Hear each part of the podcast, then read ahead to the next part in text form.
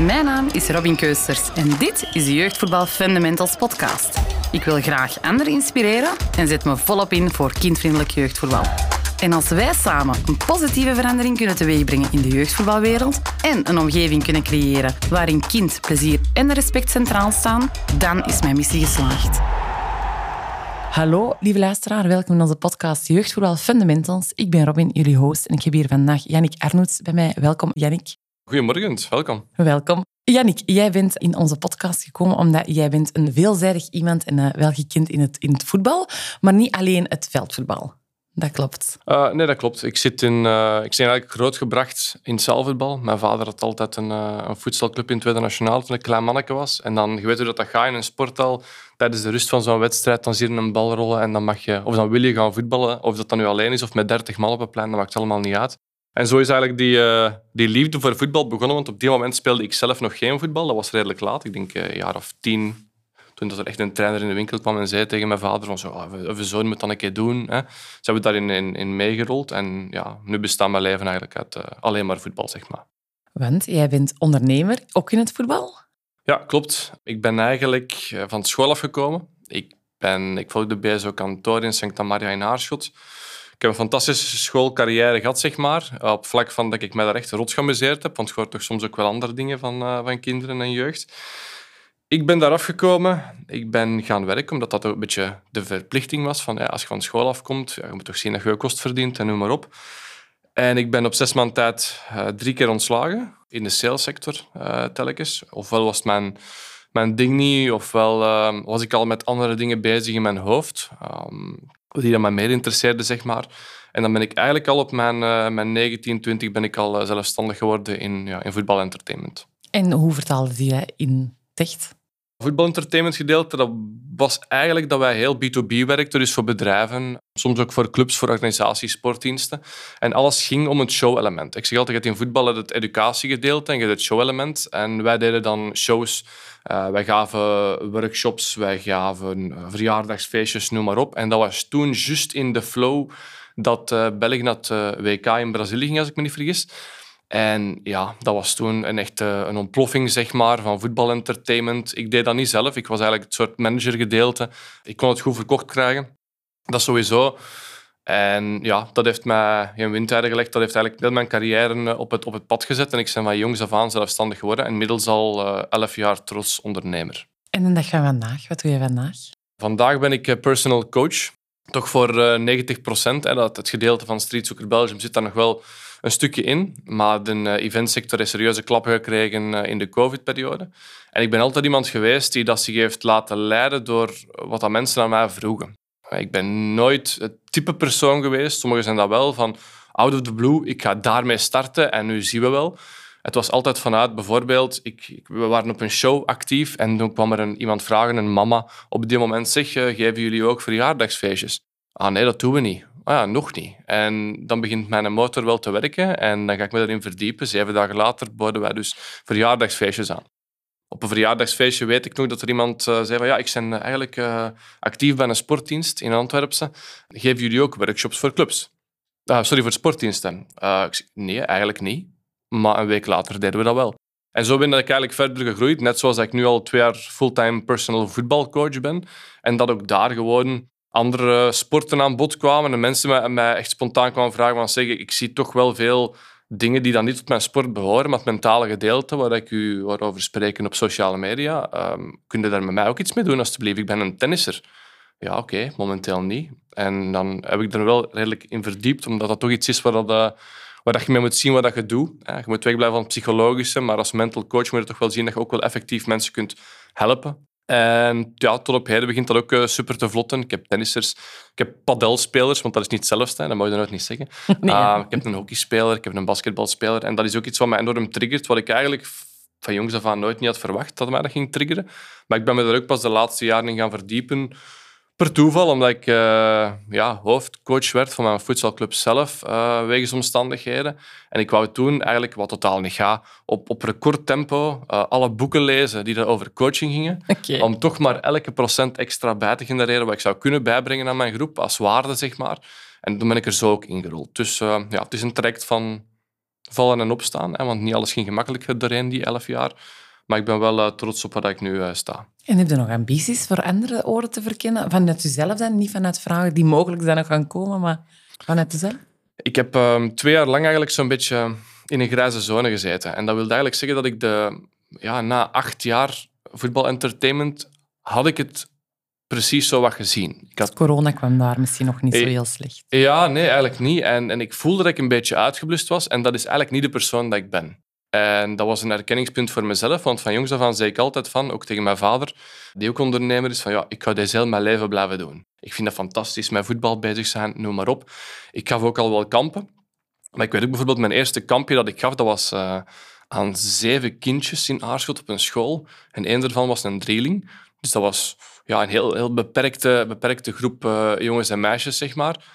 En op die moment stond ik niet graag op om kamp te geven. En ik, ik heb altijd de clue gehad voor mijn eigen van, kijk, als ik opsta, dan wil ik met het gevoel opstaan van, net zoals vandaag, oh, ik kan deelnemen aan de podcast, ik heb daar goesting in, uh, ik bereid me nog extra voor in de auto, wat kunnen we extra, wat mogen we niet vergeten over te praten, noem maar op, dat je zoveel mogelijk waarde wilt geven. Wordt gewaardeerd. Dank u, ja, dank u. Maar ik had dat na die acht jaar eigenlijk niet meer. En dan voel je, je denkt dat het wel gaat blijven lopen, maar niks is minder waar. Want ze zeggen ook altijd van ja, de dag dat je stopt met groeien, of dat nu in het ondernemen is, zoals voetballer of noem maar op, ja, dan is het eigenlijk gedaan. Dan ga je die vijf stappen achteruit. En toen kwam COVID. En dan werd je eigenlijk, of werd ik eigenlijk gedwongen om mijn eigen te heruitvinden. En op die moment, dan komt papa op de achtergrond zegt van, ja zoon, maar hè, de inkomsten die gaan hier naar beneden, hoe ga je dat allemaal doen, jong? Hè? Uh, ik denk dat veel mensen zich in de in de, of in de horeca zich wel in mijn plek kunnen stellen. En dan kun je twee dingen doen. Ofwel zeg je van, ja, het gelijk, het is COVID, ik kan er niks aan doen. Maar ik heb ook altijd met mensen geleerd, ook rondom bij mijn stagiairs, van stop met excuses te gebruiken. Uh, het gras is te groen, het regent te hard, de zon schijnt te hard. Uh, het is altijd wel iets, je kunt ook altijd wel iets vinden. Of je pakt alles in handen en je zegt, nee man, deze gaan we niet laten gebeuren. Ik ga hier mijn droom niet laten afpakken. We gaan het misschien op een andere manier doen, maar ik wil in het voetbal blijven. Dat had ik eerder al meegemaakt toen ik moest stoppen als voetballer zeg maar, op jonge leeftijd wegens te veel blessures en mijn lichaam dat dat eigenlijk de, de hoge frequentie niet aankon. Toen heb ik ook moeten kiezen van oké, wat ga ik nou doen? Ga ik standaard werken? Of ga ik toch nog van voetbal proberen mijn leven te maken? En ja, tot op heden is dat wel gelukt. Een echte ondernemersmentaliteit eigenlijk, als ik het zo hoor. Ja, zelfs niet ondernemer. Gewoon live. Het, gevoel dat je moet hebben in het leven is, is groeien, denk ik. En datzelfde dat jij hier nu zit met je podcast. En als je het gevoel hebt van oh ja, het is goed geweest. Hè. Ehm, ik heb twee seizoenen gedaan, eh, we hebben het gehad. Ja, dan is het beter inderdaad dat je ermee stopt. Ofwel zeg je van, oké, hoe gaan we dat in de next level trekken? misschien, wat kunnen we daar nog bij extra doen? En als je op die manier denkt, dan ga je zien dat er altijd opportuniteiten op je afkomen. Ja, zo is dat. Zo ontstaan ook altijd nieuwe afleveringen. Dus, ja, en de reden dat ik je had gevraagd is eigenlijk omdat ik op uw Instagram toch wel heel interessante topics zag verschijnen. En ja, degene die mij het meeste triggerde was misschien toch wel waarom leren communiceren belangrijk is. Ik geloof heel sterk in communicatie, maar we hebben het in deze podcast al voornamelijk gehad communicatie van ouders, van clubs en van trainers. Maar ik heb begrepen dat jij ook zegt van leer communiceren als speler zelf, want dat is cruciaal. Ja, ik denk dat dat de basis is. Hè. Ik bedoel, het woord, zeg je het zelf en ik pak dat heel serieus, personal coach, personal. Ja. En veel ouders en spelers zeggen ook wel tegen mij, maar ja, eigenlijk zeg je eigenlijk meneer dokter, je gaat daar binnen, die heeft geen vooridee van wat er gaat komen. Heel veel trainers maken hun, maken hun training al op voorhand en moeten zich dan aanpassen op het moment zelf. Ja, ik doe dat niet. Enerzijds heb ik ook al ontdekt in veel opleidingen dat dat komt omdat ik ook in school dat type niet was. Ik, ik, had dames in mijn klas die dat alles perfect hadden voorbereid, hun gipwerk. Dat ik dacht van, oh mannetjes, alstublieft. Hè, ik wou dat ik dat ook kon. Ik heb dat nooit niet gekund, dus ik moest creatief zijn. En nu komen er mensen naar mij en ik, ik vraag wel, oké, ik stel heel veel vragen nu, wat ik ook minder deed in het begin, heb ik ook geleerd. Heel veel vragen stellen. Ik leer de klant kennen. Ik, we starten echt vanaf een wit blad. Vertel mij eens, wie ben jij? Wat, is uw droom? Waar wil je naartoe? Wat houdt u tegen? Wat heb je al ondernomen momenteel om je, je doelen te bereiken? Um, en waar loopt het mis? En vaak zie je dan, als we met, met jongere spelers werken, eh, ik werk vanaf zes jaar, dat je het idee van de speler is vaak heel anders dan van de ouder. En als je die twee dingen samenhoort, dan kun je al wel een, een profiel schetsen van oké, wat heb ik hier voor mij staan? En dan heb je de derde fase, en dat is eigenlijk wanneer de speler met een bal begint, we doen eerst een paar aantal testjes, want ik wil u ook lichamelijk leren kennen. Hè. Hoe, hoe, snel werkt hem, hoe mobiel is hij, motorisch, vaardig, noem maar op. Mentaal. Ik geef wat prikkels. Ehm, ik breng ze wel in een, in een drukniveau, dat wil zeggen onder, onder stress een beetje, hè, want dat komt in het voetbal vaak voor. Stress kan ook al zijn dat er iemand langs de kant iets roept en dat je dan nog wel helemaal toeslaagt. Maar het kan ook bijvoorbeeld zijn dat jij daardoor sterker gaat worden. Hè. Ik was iemand dat toesloeg. Ik had heel veel ruzie na de wedstrijd uh, met mijn vader tot Venus toe. Ruzie eerder in de zin van dat hij vond dat ik niet goed gespeeld had en dat ik mij dat zo hard aantrok dat ik volledig collapste in de auto en dat ik dan thuis kwam en als moeder zei, allee, is er nou weer aan het wenen? Wat heb je daar tegen gezegd? Uh, noem maar op. Maar ik was me wel ervan bewust dat ik niet goed gespeeld had. Alleen, het kwam zo hard binnen bij mij en ik merk dat heel veel spelers, ongeacht leeftijd of zelfs uh, niveau, dat die toch wel heel hard uh, mee inzitten, of er heel hard mee inzitten wat hun papa of mama denkt van hun. Maar als je daar niet over kan communiceren, en dat is wat ik vroeger niet kon, want ik was heel introvert, ik, moest mij niet in een groep mensen zetten, ik moest me ook niet aan de micro zetten, dat ging totaal niet. En dan zou ik vastslagen. En als ik daar meer had communiceren naar mijn papa toe, uh, maar ook een stukje zelfanalyse, waar ik het zeker vandaag ook over wil hebben, dan had ik dat meer kunnen counteren. En dan had ik misschien me ja, een beter gevoel kunnen geven. En het zijn eigenlijk de spelers die dan nu volledig afhankelijk zijn van papa of mama. Hè, want dan zeg je wel van uh, ouders, hoe communiceren ze, noem maar op. Maar je moet beginnen bij de speler. Want het is persoonlijke ontwikkeling. En dat geldt niet alleen op, op, op voetbalvlak. Want je pakt dat mee naar school, je pakt dat mee in je toekomstige relaties met vrienden, noem maar op. En voor mij is dat zelf ook een proces van waar ik kom. Heel veel mensen zeggen nu tegen mij van, ja, ik ga kunnen het goed uitleggen. Uh, Oké, dat is waar, maar dan moesten aan mij acht jaar geleden niet gevraagd hebben. Dit en twaalf jaar geleden al helemaal niet. Of als er een leerkracht tegen mij zou uitvliegen, dan zou ik beginnen wenen op dat moment, zelfs in het middelbaar. Nu, jeugd is veranderd, dat is allemaal waar. Maar als we echt tot de essentie gaan, en dat wil zeggen een, een echt gesprek, dat wil zeggen niet arrogant antwoorden van oh, het interesseert me niet, hè, dan een gevoel, daar heb ik het niet over. Maar als we echt gaan over communicatie, naar papa of mama toe, naar trainers toe, maar allemaal van het vertrekpunt van de speler, ja, dan, dan is daar nog zoveel dat we kunnen leren of kunnen aanleren. En ook gewoon makkelijke tips en tricks om daarmee thuis aan de slag te gaan. Ja, wat zou een heel makkelijk advies kunnen zijn naar een speler om daarmee te starten? Eerst en vooral, het begint met uh, zelfvertrouwen. Als je geen zelfvertrouwen hebt, dan mag jij doen wat jij wil. Of dat nu een podcast geven is, of je staat in een horecazaak, of, of je bent een voetballer, of je bent een jonge elite niveau, of je bent een startende voetballer. Als je geen zelfvertrouwen hebt, dan heb je eigenlijk een probleem. Dat moet al, nu zeg ik al één ding, probleem.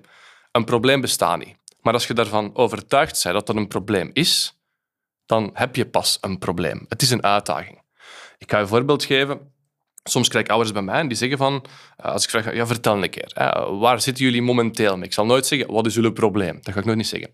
En dan het eerste waar zij mee starten is, het probleem van mijn zoon is, of mijn dochter is, waar dat die bijvoorbeeld bij staat, het mentale gedeelte. En dat mentale gedeelte, alleen dat woord mentaal, dat klinkt zo breed. Het eerste wat in mij opkomt, als ik nu de achtergrond niet hebben van oei, ja, eh, eh, voelt hij zijn eigen zo slecht in zijn vel, is hij ongelukkig, maar mentaal, dat gaat naar zoveel takken toe, dat je daar weer wat dieper op moet ingaan. En uiteindelijk gaat heel het verhaal gaan over de juiste vragen stellen. Communiceren en de juiste vragen stellen. Als ik op die moment zeg van, ah oké, ehm, hij heeft het mentaal moeilijk. Ja, dat klopt. Oké, we zullen aan de slag gaan. Dat is niet voldoende. Want mentaal gedeelte kan gaan over faalangst. Wat helemaal niet eh, hetzelfde is als zelfvertrouwen naast het veld. Ook niet hetzelfde is als zelfvertrouwen aan de bal. Ook niet hetzelfde is als ik kan niet communiceren, is ook een mentaal stukje. Sommige uh, kinderen kunnen communiceren, maar ze doen het niet of ze durven het niet. Dat is ook al een mentaal stukje. Dus je moet met de juiste vragen te stellen, en dat is een leerproces, want dan, dan ga je eigenlijk dingen te weten komen waar dat eigenlijk papa of mama op die moment zo'n ogen van trekt zegt van oh, dat wist ik eigenlijk niet van mijn zoon, dat hem daarmee zat. Dus leren communiceren van een speler vertrekt dan toch wel vaak vanuit een ouder? Ja, en het leren communiceren kan je doen aan de hand van een paar tips en tricks, zeg maar. En dat is willen communiceren. En papa en zoon, of mama en zoon, ja, dat is toch nog altijd iets anders. En ja, voor, de wereld kan al veranderd zijn, maar ik kan eigenlijk niet goed communiceren met mijn vader. We hebben wel één gemeenschappelijke liefde en dat is voetbal. Ons leven draait om voetbal. Hij is voorzitter bij de voetbalclub, ik ben de manager. Dat geeft soms serieuze botsingen, want ik heb een bepaalde visie, hij heeft ook een visie, maar onze manier van communiceren is heel anders. Hij is, um, hoe moet ik dat benoemen? Klinkt het niet, dan botst het. En je moet er maar mee leven als ik het u zo zeg. My way or no way. Ja, on my way or the highway. En, en ik ben tot, op dat vlak totaal anders. Ik ben meer naar ons, naar ons mama kant. Die was dan van, ja, hoe ga ik dat vertellen? Hoe ga ik dat aanbrengen? Dat dat toch nog binnenkomt. En ik zeg niet dat er een, een juiste manier is, want dat is gewoon niet. Maar het is wel een vallen en opstaan. Want de ene, de ene, het ene kind is gewoon veel mondiger dan het andere. Maar de vraag is wel, ben je bereid om een gesprek aan te gaan met je kind daarover? Als ik mijn... Ik bied ook buiten mijn sessies ook jaartrajecten aan, seizoenstrajecten, dat ik echt op het veld en naast het veld begeleiding doe. Daar zit dan communicatietraining in voor spelers. En dan gaan we altijd met een intake aan, de slag. En dan merk je gewoon, want papa en mama mogen erbij zitten op die moment, als je de juiste vragen stelt, dat die ouders daar opeens tussen komen en zeggen van huh?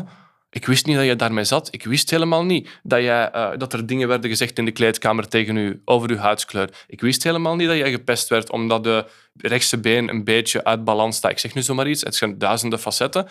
Waardoor het die kleine zo precies het idee heeft, want dat heb je als kind ook van, mama en papa moeten dat maar weten. En dan, zit, dan moet ik daartussen komen. Ja, maar je moet dat tegen mij vertellen. Ik ben uw papa toch? Ik ben uw mama. Je mag tegen mij vertellen. Maar vaak ligt daar het probleem van het gebrek aan zelfvertrouwen omdat er die dingen gebeuren op het werk. Stel je voor dat er iemand tegen u zegt, elke keer als jij hier binnenkomt van een podcast te geven, allee, ze is weer daar met dat roos frakjes. Hè? Plus alle vooroordelen van andere mensen. En dus communicatie, bij wie anders kan je terecht in eerste instantie dan bij papa of mama? En papa of mama moeten daarvoor openstaan.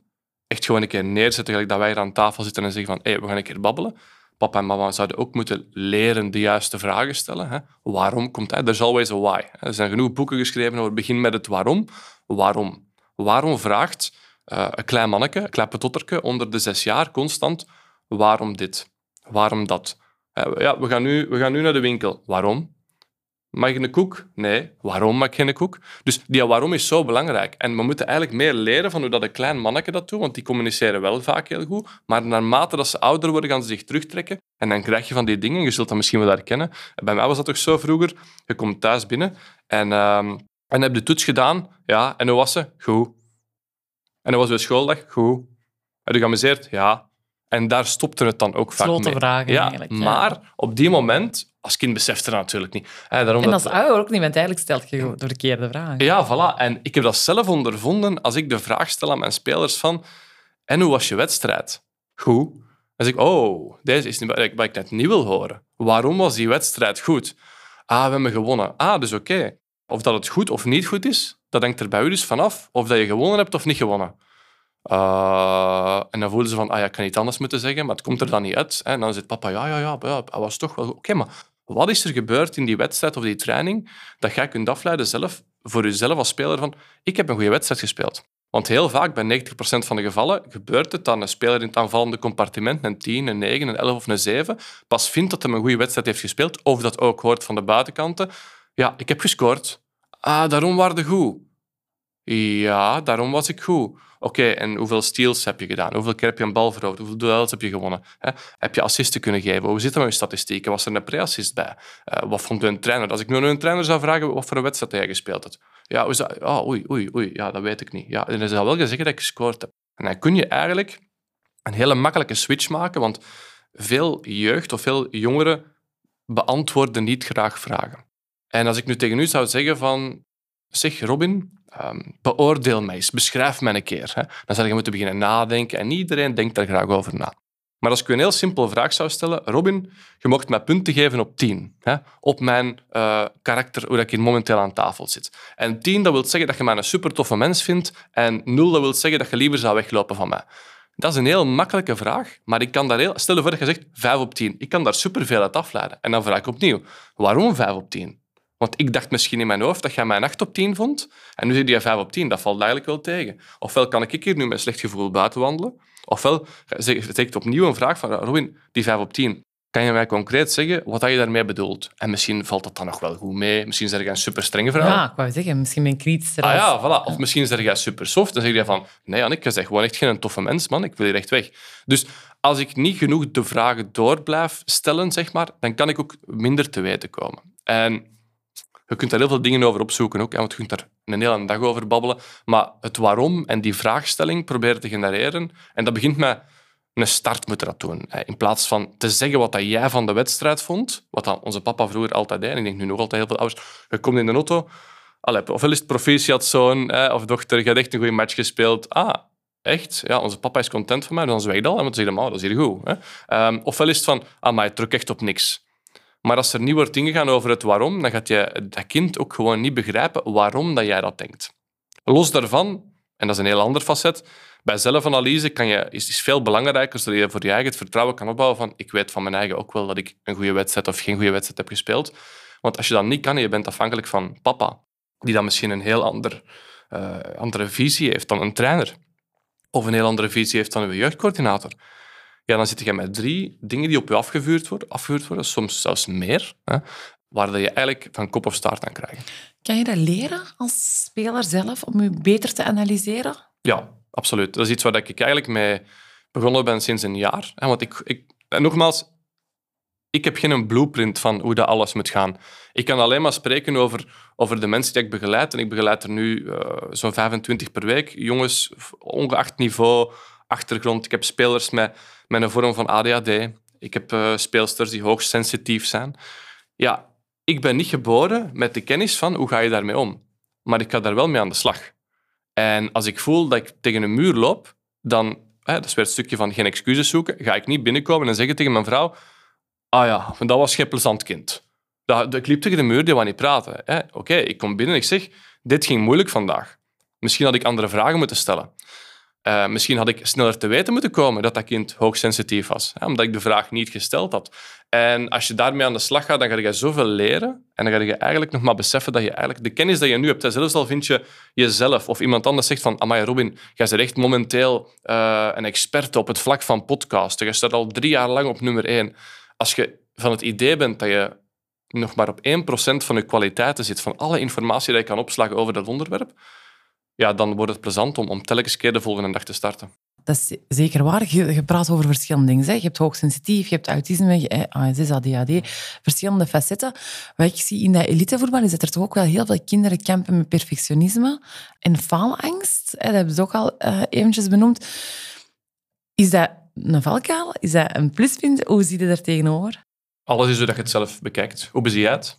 Ja, ik denk dat dat vooral sterktes zijn waar de club en de trainers en de ouders mee aan de slag kunnen gaan, maar dat ik merk dat dat toch niet altijd even evident is. Nee, zeker niet. Het is een, eerst en vooral, je moet ook nu al beginnen met het te benoemen als een uitdaging. En als je het als een uitdaging benoemt, dan is je, idee daarvan heel anders. Stel je voor dat er... Um, ik had het onlangs nog voor. Voor iemand bij mij en papa zegt, luister, mijn dochter is heel hoog sensitief. Op die moment had ik daar weinig kennis van.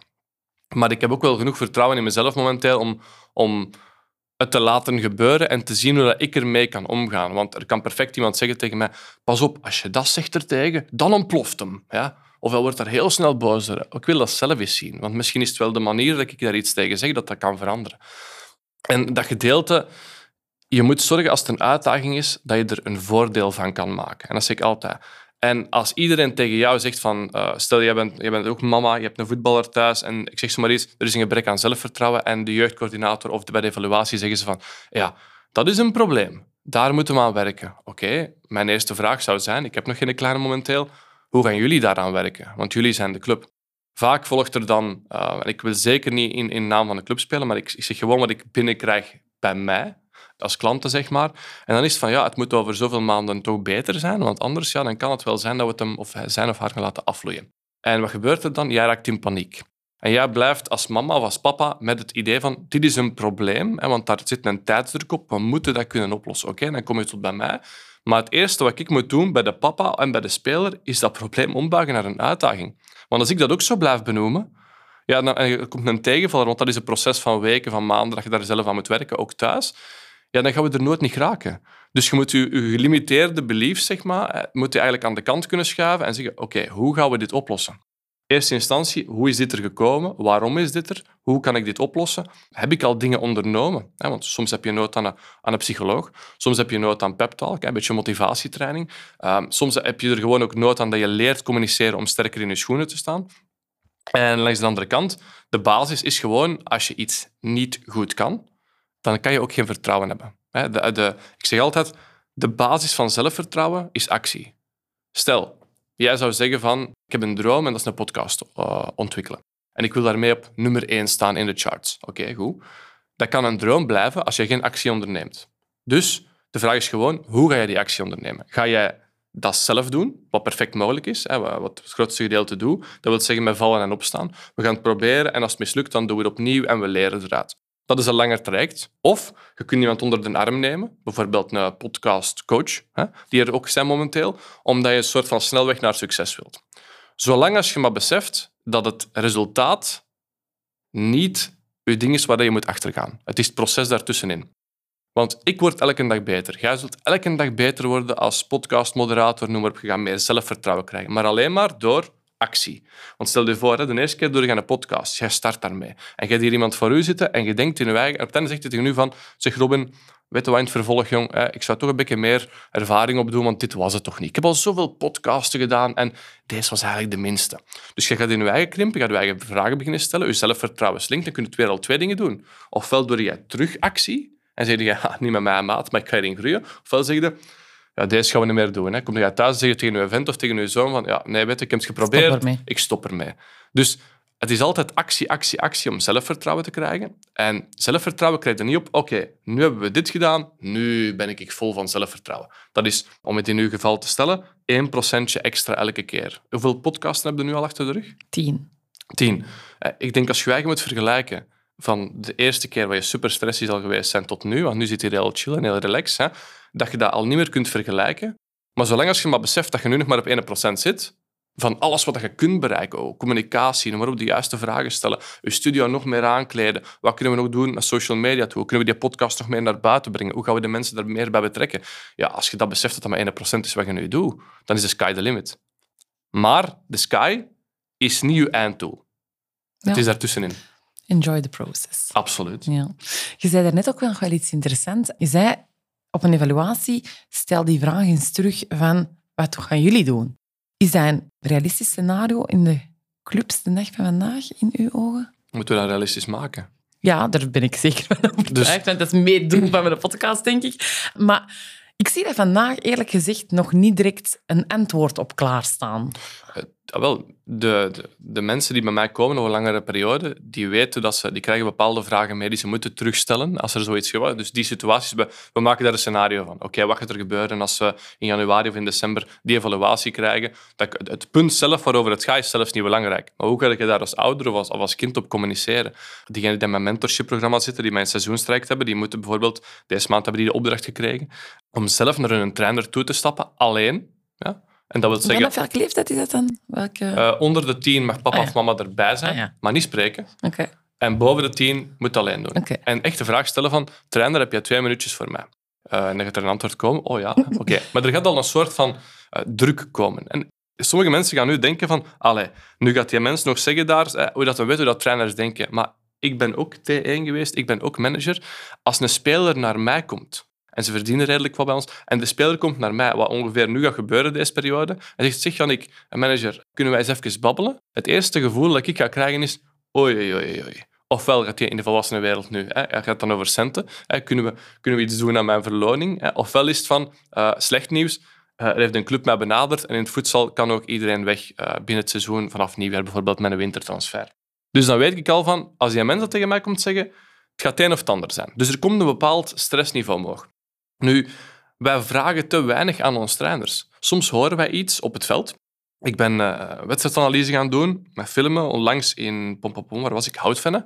En je roept iets vanuit wetende van een trainer langs de kant. De speler zal wel begrijpen wat ik bedoel. Ik ga een voorbeeld geven. We gaan pressen.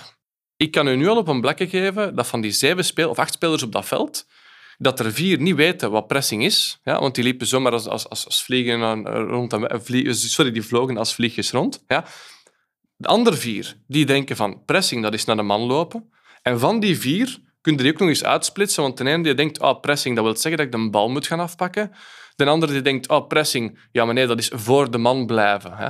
En dan zien dat hij niet kan spelen. En de ander zegt, ja, maar nee, pressing, dat is voor mij, als er als, er, als men een foutje maakt, de tegenstander, foutcontrole, om dan te happen. Hè. Dus er zijn zoveel verschillende manieren van pressing zetten, van druk zetten.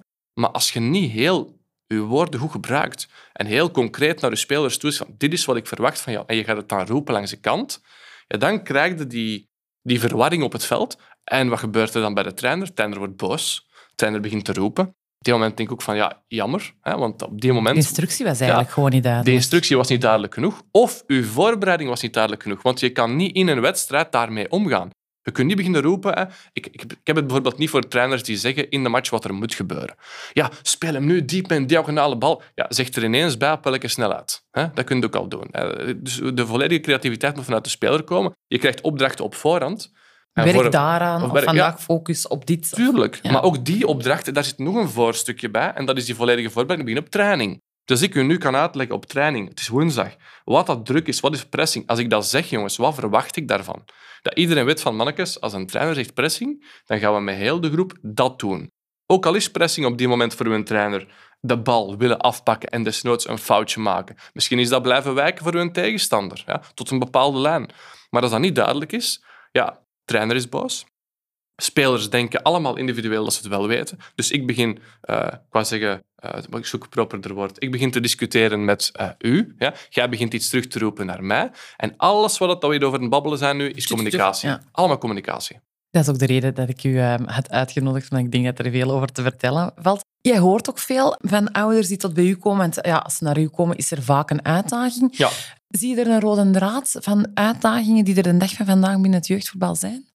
ik kan alleen maar spreken over de personen die bij mij komen. En het gaat voornamelijk over zelfvertrouwen. Er zijn altijd vijf facetten. Zelfvertrouwen is 40%. Maar bij zelfvertrouwen is het ook vaak gewoon omdat het makkelijk uitgesproken wordt. Okay. Mijn zoon heeft te weinig zelfvertrouwen. Oké, dat is goed. Maar vaak blijkt dan, na verder, uh, verdere vragenstelling, als ik het zo mag zeggen, onderzoek is zo'n super raar woord, dat het ook gaat om faalangst. En zelfvertrouwen en faalangst zijn twee heel verschillende dingen. En je moet ook weten hoe je die kunt leren herkennen. En als je daar al mee aan de start kunt gaan, dat, dat zijn ook dingen waar je thuis mee kan werken. Maar eigenlijk wat zich bij mij op het, op, op het domein voordoet van spelers, waar ze mee naar mij toe komen die uitdaging, is ook iets wat zich vaak in school verder trekt. En dan stel ik bijvoorbeeld een vraag na een training, van zeg, ik heb nu dat en dat en dat gezien. Volgens mij doet hij dat in school ook. Klopt dat? Oh ja, zwijgt stil, eh, dat en dat en dat en dat. Dus dan weet je dat je op het goede spoor zit. Maar zelfvertrouwen, dat is het stukje van te weinig actie. Je moet eerst perfect weten, denk maar aan, het voorbeeld van pressing. Hoe moet ik dat doen? Waarom moet ik dat doen? Waar moet ik dat gaan doen? Wanneer moet ik dat doen? Er zijn zoveel facetten dat erbij komen kijken. Faalangst, dan bezie ik dat eerder als... Kijk, deze speler heeft superveel talent. Je ziet dat zijn voeten echt voetbalvaardig zijn. Dit is bijvoorbeeld, als, uh, als exempel, elite-niveau. Maar toch komt het er niet uit op een wedstrijd.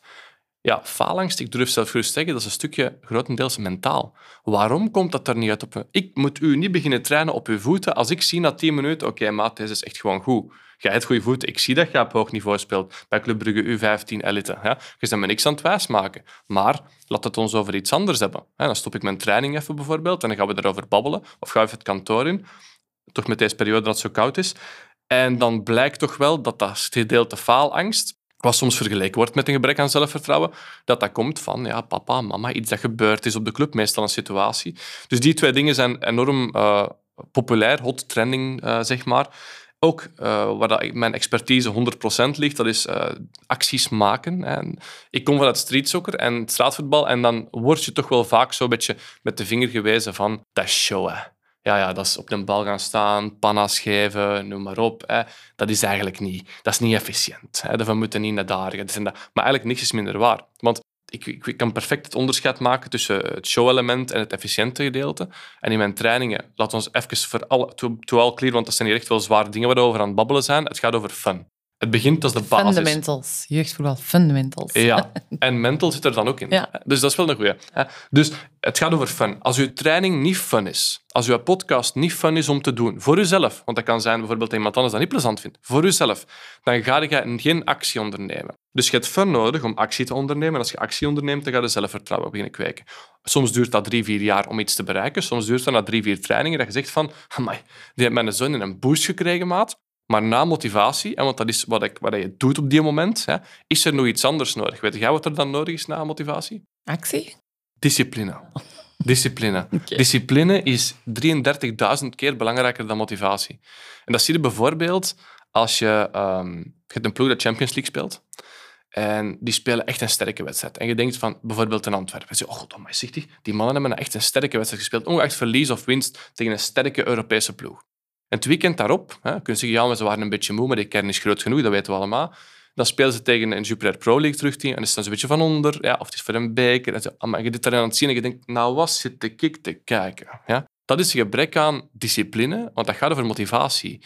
Iedereen is, ook bij ons op de club, iedereen is gemotiveerd om tegen de nummer 1 te spelen. Iedereen is gemotiveerd om tegen de nummer 2 te spelen. Mijn vraag is, kun je wat dat je brengt tegen de nummer 1 en nummer 2 ook brengen, disciplinair gezien, tegen de laatste in het klassement? En ik spreek nu over volwassenen, maar dat gaat ook over, over een achtploeg. Dat gaat over IP, dat gaat over P, dat gaat over uh, gewestelijk, als dat nog bestaat. Dat gaat over elite. Ja. Daar loopt het vaak mis. En het zijn de, de jongens, jongeren, die dat zich kunnen trainen op het vlak van discipline. En dat begint al. Ik kan je een voorbeeld geven bij mij thuis. Ik ben iemand, ik snoes heel graag. Ja? Dus mijn wekker die gaat af. Die van ons ook, die heeft daar vijf wekkers op staan. Zo, ik zo twee minuten later. Zodat ze toch zou wakker worden. En elke morgen opnieuw duwt hij op die snooze-button. En dan geef ik die een doef, een, een stompje, zeg maar. En ik zeg, schat, is tijd voor op te staan. Dat is een coiffeus, ook bij ons thuis. Uw klant gaat eerst... Ja, ah, dat is goed. Maar haar uitdaging verandert niet. Discipline zou zijn dat je zegt van, kijk, nee, nee. Ik zet ene wekker en elke dag opnieuw, of dat ik me nou goed voel, niet goed voel, of dat ik nou happy ben, of dat ik uh, zwanger zijn, of dat ik honger heb, of dat ik, of dat ik ziek ben, ik ga om negen uur, als het negen uur zou zijn, uit dat bed. En daarna zal ik wel zien hoe ik mij voel. Misschien ben je echt ziek en kan je een dag niet aanvatten, noem maar dat is discipline. Motivatie wil zeggen dat ik hier opstand ben, dat ik zo enthousiast ben en ik kom naar uw podcast. Maar morgen heb ik geen goesting om op te staan, want het is iets wat me niet, niet interesseert, zeg maar. En kun je de discipline leren of zit dat nu? Uh, je kunt dat absoluut leren. Maar alleen als je het wilt. Ah, ja. Dat is mij okay. eigenlijk zo. Dus het is wel stretchbaar. Absoluut, ja, absoluut. Maar je moet eerst de belangrijkheid weten van discipline. En ik had dat eigenlijk... Ik heb dat nooit gehad. Hè. Ik, had altijd, ik was een motivatiespeler. Toen ik in mijn jeugd was, was een motivatie. Oh, nu speel ik tegen die ploeg. Hey, daar zitten er twee van mijn, van mijn klas in. Wat was ik? Super gemotiveerd. Want ik wou laten zien aan die spelertjes van mijn klas en die ouders, hey, zie ik ook hoe dat die aan is. Een ex-ploeg of oh, zo. Ja. ja, of een ex-ploeg. En dan gaat het vaak in overmotivatie tegen een ex-ploeg en dan, dan, ja, dan loopt het ook slecht af. Hè. En, maar ik was nooit de speler en dat vind ik jammer, want niemand heeft mij daar nooit op kunnen coachen. Die dat, ik zeg niet dat je elke week top kan zijn, dat gaat ook niet. Maar je kan wel proberen op een schaal van 0 tot 10 elke week minstens de ondergrens te halen en bijvoorbeeld een 6 op 10 te halen. dat je niet gebuist bent, het was niet top, maar je hebt wel je match gespeeld. En te vaak zie ik spelers, ook bij mij, papa van zegt, hey Jannik, Jongen, die is zaterdag bij u komen trainen. Zondag had hij een match. Jongen, dat was niet normaal wat hij allemaal deed. Oké, we zien elkaar terug over drie weken. Ik, elke week check ik eens in zeg hoe was het nu? En dan zo twee weken later zo van... Ja, dit was dramatisch, hè. Ja, die is al blijtend van het veld afgegaan. Alweer van het veld afgegaan. Die begon opeens emotioneel te reageren op iedereen. Ja, terug de oude speler hoe hij was. En dat komt omdat je een stukje motivatie zit. En motivatie is één ding, maar de discipline is bijvoorbeeld dat jij ook zegt van... Ja, weet je, als ik zeg dat we er tien gaan doen, tien podcasten per seizoen, dan ga je dat niet zeggen bij nummer zes. Hey, mannetjes, we hebben zes goede podcasts en dan gaan we ermee stoppen. Allee, dat is althans hoe dat ik het benader. Nogmaals, alles is mijn eigen ding. en andere mensen, ik, ik, sta constant open voor andere meningen. Als je er een ander idee uit, zeg het mij zeker, want ik leer ook constant van andere mensen bij. Ja, en ik zou het zo niet beter bekijken. Ah ja, waarom niet? Zeg, kunnen clubs of coaches op de club inzetten om dat, die discipline aan te leren? Of zeg je, oh, dat is wel echt gewoon een, een heel ander vakjargon? En... Ja, maar je moet er echt simpel mee beginnen. Hè. Bijvoorbeeld op tijd komen. Als we afspreken om zeven uur, dan kom je niet om vijf na zeven. Daar, dat is wel een moeilijke als, vind ik, als je met jonge spelers um, zit, omdat daar natuurlijk veel afhankelijk is van de ouders. Absoluut. En soms worden de kinderen erop afgestraft. is ook al wel eens in de podcast benoemd geweest. Dat is wel een dubbele, want het is misschien ook wel de discipline van de ouder op die moment. En dat vind ik dan zo wel jammer, dat de kinderen er worden op, ja, op afgerekend. Maar ik snap het wel. Ik snap dat ze op tijd moeten zijn, maar ja... Als Been trainer, there, done that. Ja. Maar zouden op de, trainer iets, op de training iets kunnen doen als trainer om te zien van... Groeien mijn kinderen op vlak van discipline? Eerst en vooral, omdat je nu zegt van het is toch de ouder die dat ermee rijdt. Ik durf gerust zeggen, ik was van de tien wedstrijden was ik er negen te laat. Kon ik daaraan doen als jeugdspeler? Nee, helemaal niet. Ik vond dat zelfs erg. Ik vond ja, dat echt erg. Ja, dat maar het. dat zat bij ons zo ingebakken. En dat is geen steen, want dat is gewoon de manier van, van hoe dat je op die moment leeft en hoe dat je mm. zijt. En de ene is druk en rustig en de ander staat weer op voorhand op en de ander wil ontbijten en de ander zegt op een lege maag en ik shotten.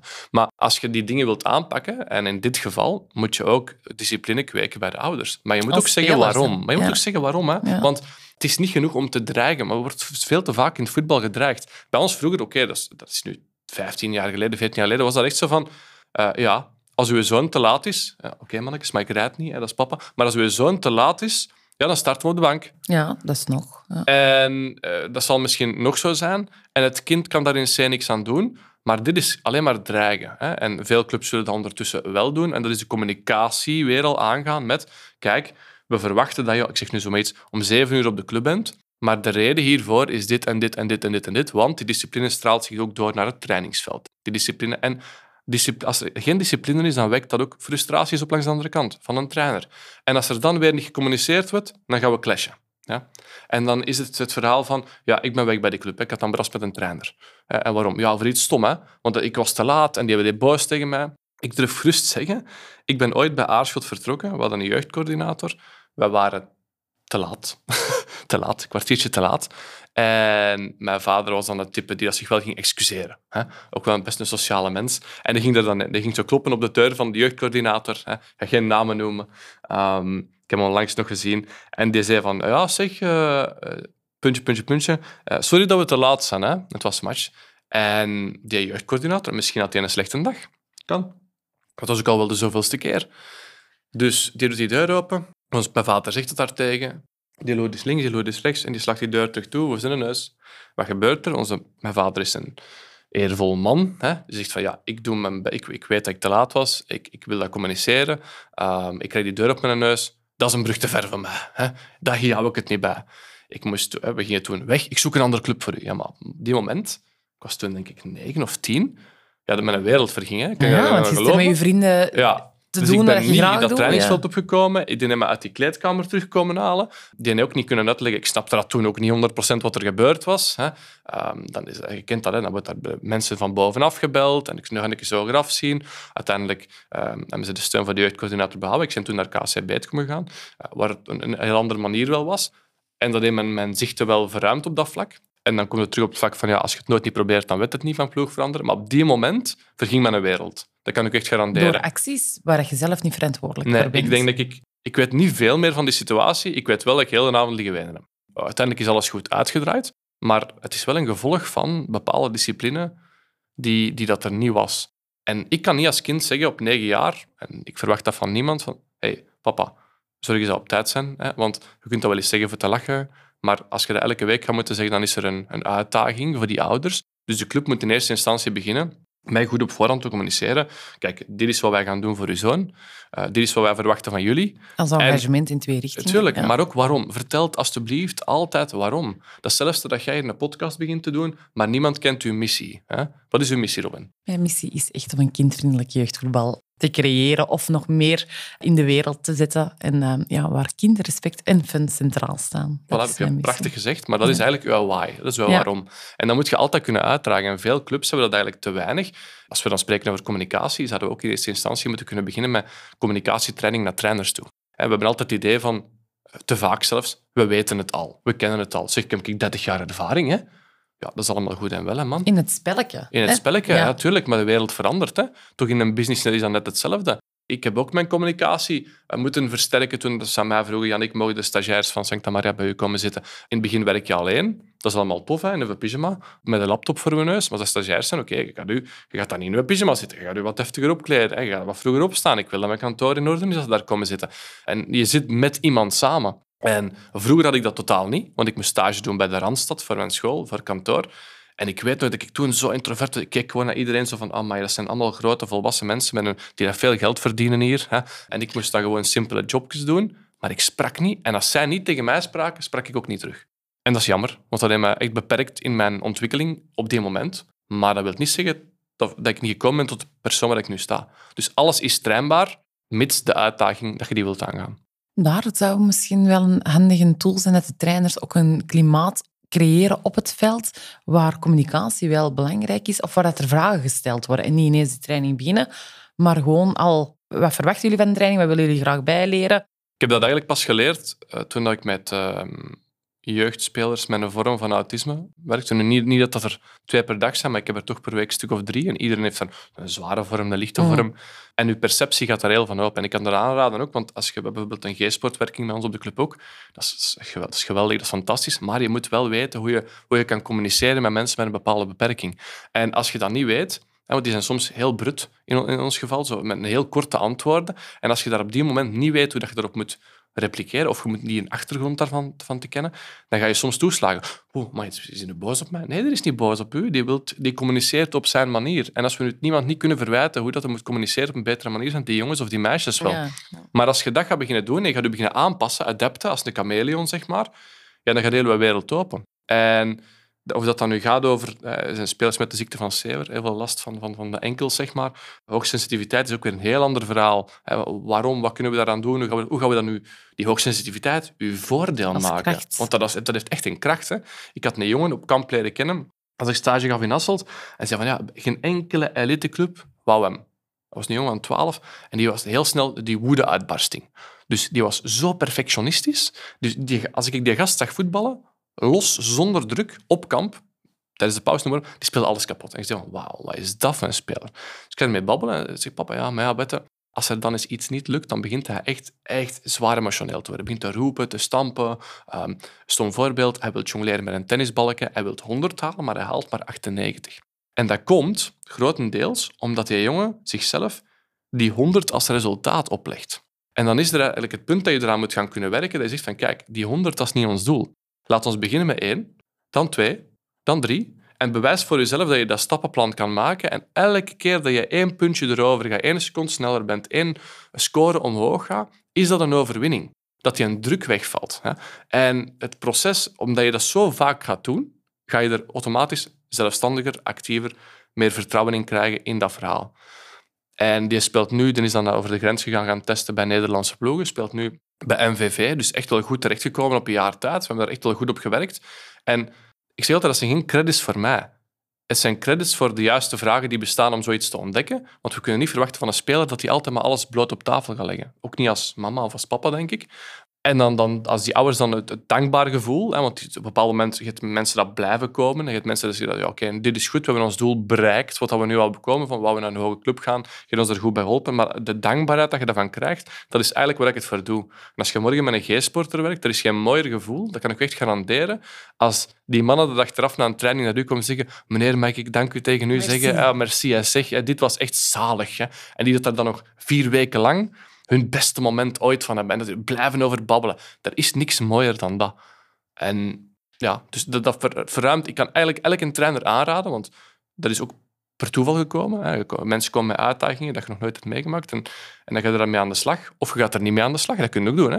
Ja, oei, daar kan ik je niet mee helpen, want ik ben daar geen expertise in. Oké, nee, maar dat is niet het type waar ik ben. En dan groei je zo hard als persoon. En de perceptie dat je daardoor krijgt, is ook gewoon heel groot. Ik denk vrijwilligerswerk in het algemeen, dat dat al veel doet voor de mens, maar dan specifiek naar het G-voetbal, um, ja, was hier ook inderdaad ook al eens aangehaald, dat toch wel naar dankbaarheid heel veel kan, uh, kan betekenen. Hè. Zeg, je zegt er juist, kinderen die boos worden als iets niet lukt, heeft dat met competitiviteit te maken? Heeft dat met niet kunnen winnen, uh, niet kunnen verliezen te maken? Heeft dat allemaal een verband of staat dat los van elkaar? Verschillende factoren. Bij de ene is het echt van die winnersmentaliteit. Er zijn ook spelers waar het inderdaad een kettingreactie is. Dus het is echt belangrijk dat je, dat je naar de oorzaak eerst teruggaat. Misschien heeft, die, heeft dat kind wel iets meegemaakt. Misschien heeft hij drie broers thuis zitten of twee zussen. En moet je eigenlijk vechten voor, voor, voor aandacht bijvoorbeeld. En als je dan bijvoorbeeld niet het juiste doet, dan in zijn hoofd, als ik niet het juiste doe tegenover mijn zus of mijn broer, krijg ik misschien minder aandacht. Hè? Juist hetzelfde met een hondje dat in de kennel komt. En je hebt dat één hondje, uh, als je gaat kijken voor eentje te kopen en die zit daar alleen, dat geeft een bepaald effect van, oh schattig, die moet ik meepakken. Zo hebben we dat bij de onze ook gedaan. Maar dan blijkt achteraf bijvoorbeeld dat je altijd heeft moeten knokken voor wat eten te krijgen. En dat is een emotie heel anders. Het mag het braafste beest zijn ooit, maar omdat je vroeger heeft moeten knokken voor zijn eten daar, en als dat misschien achteruitgestoten werd, en hij won dat duel niet voor dat eten, gaat hij nu misschien heel raar reageren als jij iets of zijn broekje wilt wegpakken. Dat je denkt, de liefste hond ooit, hoe kan dat? Dat je daar zo grummelt op mij en in mijn hand wil bijten, bij wijze spreken, omdat ik een brokje wegbak. Die weet toch dat ik die graag zie. Dus dat komt altijd van ergens. En je moet altijd kijken, competitiviteit is goed. Ja, ik vind dat echt goed. Ik zeg niet dat dat het hoogste doel is. Maar mijn spelers krijgen altijd één les mee. Je moet niet winnen van mij, maar je moet wel leren winnen of willen winnen. Dat is gewoon het leven. Je moet niet de nummer één worden. Je moet ook niet de, de nummer één worden in podcast. Maar op het moment dat je zegt van het interesseert me niet waar dat ik sta, ik heb een podcast, ja, dan zitten we ergens zo aan de andere kant van de lijn precies. Onverschillig of zo. Ja, je moet wel de honger tonen. De willen, honger ja. is een beetje een mooier woord, zeg ik altijd, voor het, het moeten. Ja? En moeten is... Ik zeg altijd, ik moet niks. En een speler moet ook niks. Het moet eerst fun zijn en je moet er je goed bij voelen. En als je het zo wat je goed bij voelt, je passie, je kunt van je hobby je beroep maken, allemaal super en wel. Maar je gaat ook nooit niet aan die top geraken als er totaal nul competitiviteit in zich. Sommige mensen hebben inderdaad dat idee van, en dat mag, ieder zijn eigen mening. Nee, nee, competitiviteit mag niet. Hè. Alles gaat om ontwikkeling en fun, absoluut. Maar er is absoluut ook niks mis mee om, om aan de hand van spelletjes tegen elkaar een keer die challenge te doen. Want uit die spelletjes, stel je voor, ik zie hier nu twee chocolademannetjes uh, liggen van Sinterklaas voor mijn neus. Dankzij Maarten. Dankzij Maarten. Ja, dank je, Maarten. Stel je nu voor dat ik ehm, met u een duel zou willen uitvechten en zeg van ja, kijk, het is heel simpel. De eerste dat die twee mannetjes pakt, mag je die opeten. Het kan zijn dat jij er een pakt, ik een pakt. Oké, dan, dan blijven we het zo wat in het midden. Maar als ik sneller ben als u en ik pak die twee mannetjes en jij krijgt bijvoorbeeld, jij gaat opeens beginnen, beginnen flippen. Dat kan, hè? Misschien blijf jij elkaar rustig, maar misschien begin je ook te flippen. Dat gaat alleen maar te weten komen door dat competitief spelletje. En op die moment kun je wel zeggen, oh Robin, eh, rustig, kan ik er u eentje teruggeven? Hè? Het is allemaal voor te lachen en neem maar op, dit en dat. Maar ik leer u wel beter kennen. En ik denk dat het, ding van een personal coach, of coaching in het algemeen is, ons doel moet altijd zijn om de speler te leren kennen, maar ook de mens daarachter. En jij mocht de beste voetballer zijn ter wereld, bij wijze van spreken, als je de persoon daarachter niet wilt leren kennen, hoe dat hij is in omgang, waar zit je mee? Hè? Het gevoel geven van, hey, ik ben hier voor u, ja, dan zit je op een fout spoor. Interesse in het kind. Dan ben je bezig met winnen. En dat mag allemaal, want ik zeg het, ik ben pro eh, willen winnen, hè, maar niet moeten winnen. Want moeten winnen is het einddoel. En dat willen we niet. Maar de honger en alles wat daarbij komt zien om te willen winnen, om te leren winnen, ja, dat is een heel proces. En dat maakt het wel super uitdagend. Leert je kinderen ook leren verliezen? Uh, leren verliezen, ik spreek nooit over het negatieve gedeelte. Dus, of ik probeer dat althans. Ja, ja. Vroeger deed ik, we doen in het voetbal constant. Hè. Stel je voor, zeg eens één negatief ding over Romelu Lukaku. Wat je Niet wat dat jij denkt, wat dat je al gehoord hebt daarover. Hè, dat is het makkelijkste in de media, of van uw zoon, of van uw man. Dat zegt van Romelu Lukaku, dat is daar niet goed aan. Ik heb ehm, geen idee. Ehm, nee, ik heb eigenlijk geen idee. Tuurlijk wel, tuurlijk wel. We, we zeggen daar al jaren over van, ja, eh, hij is, niet, hij is niet, niet scherp genoeg voor de goal. Hij heeft te veel kansen nodig om een doelpunt te maken. Ehm, ik weet nog, ik denk dat EK was, dat hij daar op een bepaald moment drie ballen eh, van, van twee meter afstand mist. Hè. Iedereen dat dan nu iets van voetbal houdt en aan het luisteren is, kan, die kan zelfs die match beter inbeelden als mij. En als hem die één van die ballen had gescoord, hadden we waarschijnlijk nog doorgestoten in het toernooi ook. Hm. Dan komt er kritiek. Maar we zijn altijd bezig over wat dat hem niet kan. Ik zeg nu Lukaku, maar het gaat over elke Ja. mens in de wereld. Het gaat over, er zijn nu ook mensen dat zeggen, die Robin Keusters hè, van die podcast, die pijst ook dat ze het een water uitgevonden. Hè? Absoluut niet. ik ken eigenlijk niks aan voetbal. Moest ik dat, mag ik dat even zeggen? Dus dat, dat moet je Dus, zeker zeggen. Maar ze is, eh, ah, voilà. Hey, nog een nieuw voordeel. Die kent niks van voetbal, maar ze gaat daar wel met een podcast zitten ja, over omdat ik het wil jeugdfundamentals. leren. Hè. Ja. Voilà, je wilt Ja. het leren. Maar mensen eigenlijk interesseren zich niet in wat dat jij wilt op die moment. Heel veel mensen denken voor 99% aan zichzelf. En Lukaku, denkt jij nu echt dat hij die bal op- bewust mist op een meter van de goal? Ik ben er zeker van dat die mens daar drie weken slecht van geslapen heeft. En dan de pers en de media en sociale media daar nog eens bovenop, dat hij afgemaakt wordt. De andere keerzijde is dat hij morgen twee keer scoort bij AS Roma, bij wijze van spreken, en dat hij opeens een held is Ja, en een ja. internationaal een topspits. Dat is ook wel typisch voetbal, hè? Zo die highs en de lows. En, Highs en de ja. lows, maar gaat daar maar eens mentaal mee om. Ja, ja. Als buitenstaander is dat heel plezant. En als kind zeker, hè? Ja, Toch wel als, niet kind, als evident. kind zeker. En je kunt nu vandaag de lucht in geprezen worden. Je maakt een transfer als naar, een, naar een andere eliteclub en ze zeggen wauw, dit top, top, top, top.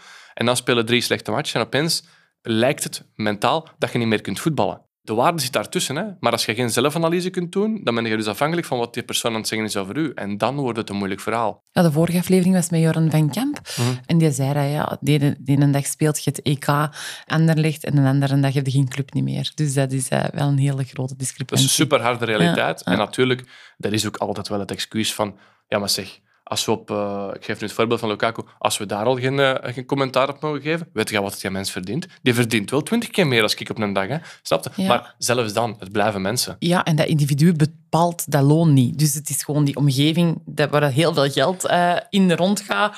Hij doet het er ook maar mee, maar dat blijft ook wel maar een mens. Hè. Het is altijd die negativiteit waar Ja. dan mee. En Chris van Pavelde was, was geleden technisch directeur van de Belgische Voetbalbond, zit nu in Marokko, denk ik, als, als technisch directeur.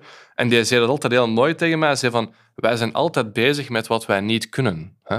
Of wat niet goed is. Maar we spreken nooit over de kwaliteiten van de speler. Heel veel mensen gaan nu zeggen, ja, dat is waar, de Lukaku, ja, dat weet ik nog. Oh, ja, nee. Hè. Maar langs de andere kant is hem ook de chouchou als hem scoort bij de Rode Duivels. Dan zijn de headliners van, oh, Romero doet en dat. Maar het ding is gewoon, hij, heeft daar, hij mentaal heel sterk. Maar ik kan, er u, ik kan er u 15 tot 20 geven, zelfs op het allerhoogste niveau, waar er een serieuze pre tegen die dat, dat mentaal niet kunnen verwerken. Dus laat ons echt allemaal beginnen met het positieve van een speler. Hetzelfde hier bij mij. Mensen komen, oké, ik wil graag weten wat er momenteel misloopt. Ik ga veel vragen stellen. Maar ik ga ook wel heel accentueren wat jij momenteel al heel goed kan. Al weet je de traagste mens van België, dan zoek ik iets anders wat jij heel goed kan. Ik heb spelers die communicatief super sterk zijn, maar het nog niet met hun voeten kunnen. Oké, okay, durf dat benoemen. Ik vind bijvoorbeeld dat jij als, als Robin zijnde, als podcast, je, doet één, je hebt een heel mooie missie en je hebt een heel aangenaam warme stem. Ik wou dat ik een, een warmere stem had, eh, zoals jij. Dus soms luister ik ook naar podcasts en denk van, ah, dat is een aangename mens qua stemtoon om daarnaar te luisteren. Ik weet ook van mijn eigen wat de minder kanten zijn. Bijvoorbeeld, als ik een interview moet doen op de club, denk ik veel te veel um, uh, zeg. Hè. Hier valt dat uh, heel goed mee, eigenlijk. Ah, wel ja. Dat was ik dus juist aan het denken. Dan, merk ik dat, dan merk ik dat even benoemd. Maar dat is een werkpunt voor mij. Ah, ik zit daarmee. Het kan wel zijn als je morgen mijn interview beluistert en dat je zegt, zeg amai, ik heb niet geluisterd naar wat jij zei uh, op de club daar na die wedstrijd, maar die heeft zeker 23 keer uitgezegd. Dat is het negatieve benoemen. Maar als ik dan vraag, wat heb ik gezegd, Robin, dan, dan weten ze het vaak niet. Dat zegt ook veel over de mensen dat kritiek geeft. Maar, zeg, maar denk dan ook in het feit van dat ik nu zeg van, ik zit daarmee. Ik werk daaraan. Ik vind dat niet leuk als, als iemand dat zou zeggen. En ik denk dat niemand het leuk vindt om dingen benoemd te krijgen. Zeg je, Jasker, dat is te roos. Dat is echt, echt een meer van deze. Dat is te roos, hè? Ja, eh, nee, ik ben pro-roos. Dat is ook weer al zoiets. Hè. Dat is ook wel zoiets. Hè. Dus mijn vrouw zegt soms, ik denk te veel aan de roos. Ik, ah. ik zou gaan padellen. Ik wou een roos padelraket. Ja, nee, dat mocht niet. Dat mocht niet, want dat was voor haar. Maar ik wil maar zeggen, sommige, je weet nooit wat je woorden bereiken bij iemand. En je kunt wel zeggen, dat was toch zo hard niet dat ik communiceer, maar je weet nooit niet wat er achter de schermen leeft. Surtout bij een kind. Dus kies je woorden echt heel gedetailleerd. En dat is niet altijd makkelijk, want vaak spreekt emotie. Ik ging een wedstrijdanalyse filmen in DIS, denk ik. Ja, ik heb daar bepaald een kipper, dat was U15. Ik heb daar een kipper dingen horen roepen naar de scheidsrechter. Als dat mijn zoon is, en ik kan er niet over meespreken, want ik ken er nog geen, ik pak die, ik pak die bij zijn, ik moet zien wat ik ik pak die bij zijn truitje en ik kom die persoonlijk van het veld afhalen. En op die moment reageert daar niemand op. Geen trainer, geen ouders, geen andere ouders, noem maar op. Dat was echt dat was niet grof. Dat was... Als ik die scheidsrechter was, ik gaf die... Ik denk, dat, dat kan dat als je iets roept. Ik denk het wel. Ik, ik gaf die rood. En ik ging waarschijnlijk zelf half depressief van het veld. Ik heb echt achteraf tegen de scheidsrechter gezegd, want ik kwam langs mij binnen waar ik aan het filmen was. Ik zei van, scheids, chapeau, wat jij vandaag over je kop hebt gekregen. En die bleef daar, had ook veel ervaring. Ik zeg, jij bleef daar zo rustig over. En die gaf me daar zoals antwoord van, ja, als ik dat, want een scheidsrechter is een, is een moeilijk verhaal, als ik daar moet van wakker liggen of ik moet dat mee naar huis nemen, ja, dan kan ik er beter volledig mee stoppen. Dat vind ik erg. Ja. Dat vind ik echt erg. Dat is ook de missie van Gentlefan. Dat is een van de uh, sponsors trouwens. Die, um, die zijn echt geboren uit het feit dat ze zagen van... Zij deden etiketten op de werkvloer. En in de voetbalomgeving zagen ze gewoon zaken dat niet door een beugel konden. En ze zeiden van, ik denk echt dat er nood is aan workshops. Wat is etiketten? Op het veld. Van kinderen naar scheidsrechters, van scheidsrechters ook, naar kinderen. Van clubs naar ouders, van ouders naar trainers. Eigenlijk heel die, uh, ja, heel die cirkel um, hebben zij eigenlijk nu workshops. Omdat, wat, wat, zijn de, ja, wat zijn de regels, wat zijn de etiketten? En heel veel valt en staan in communicatie. Hè. Zeg waarom dat je iets verwacht, duidelijkheid, gewoon transparantie. Um, en dat doet toch wel heel veel al. Als je, je moet, ik, daar, ik ben dat zo, zelfs de laatste maanden pas, laatste half jaar, ben ik dat zo veel meer belangrijk gaan vinden, omdat ik één zag dat ik echt een veel diepere connectie kreeg met mijn spelers. want je kunt wel zeggen, ah voilà, hij komt iemand een training volgen, ik doe mijn training. Ja, die training was wel top. Die was zeer intensief, we hebben daar veel uit geleerd, dag. Maar ik probeer nu echt een, een diepe connectie te maken, omdat ik dan nog dieper kan ingaan op dat probleem of die uitdaging van die speler. En in het begin voelt dat heel stroef aan voor die speler. Want dan zie je echt zo kijken van, wat voor vragen stel je aan mij? Wat zeg je van plan? En daarom dat ik altijd van in het begin al zeg van, kijk, het enige wat mij interesseert, of dat je nu wint of verliest, zeg jij. Ik zit hier nu, ik ben volledig voor u. Het is uw podcast, ik ben volledig ter uw aandacht. Ik ben niet met mijn telefoon bezig. Ik wil begrijpen ook waarom dat je dat doet, want ik leer hier ook uit.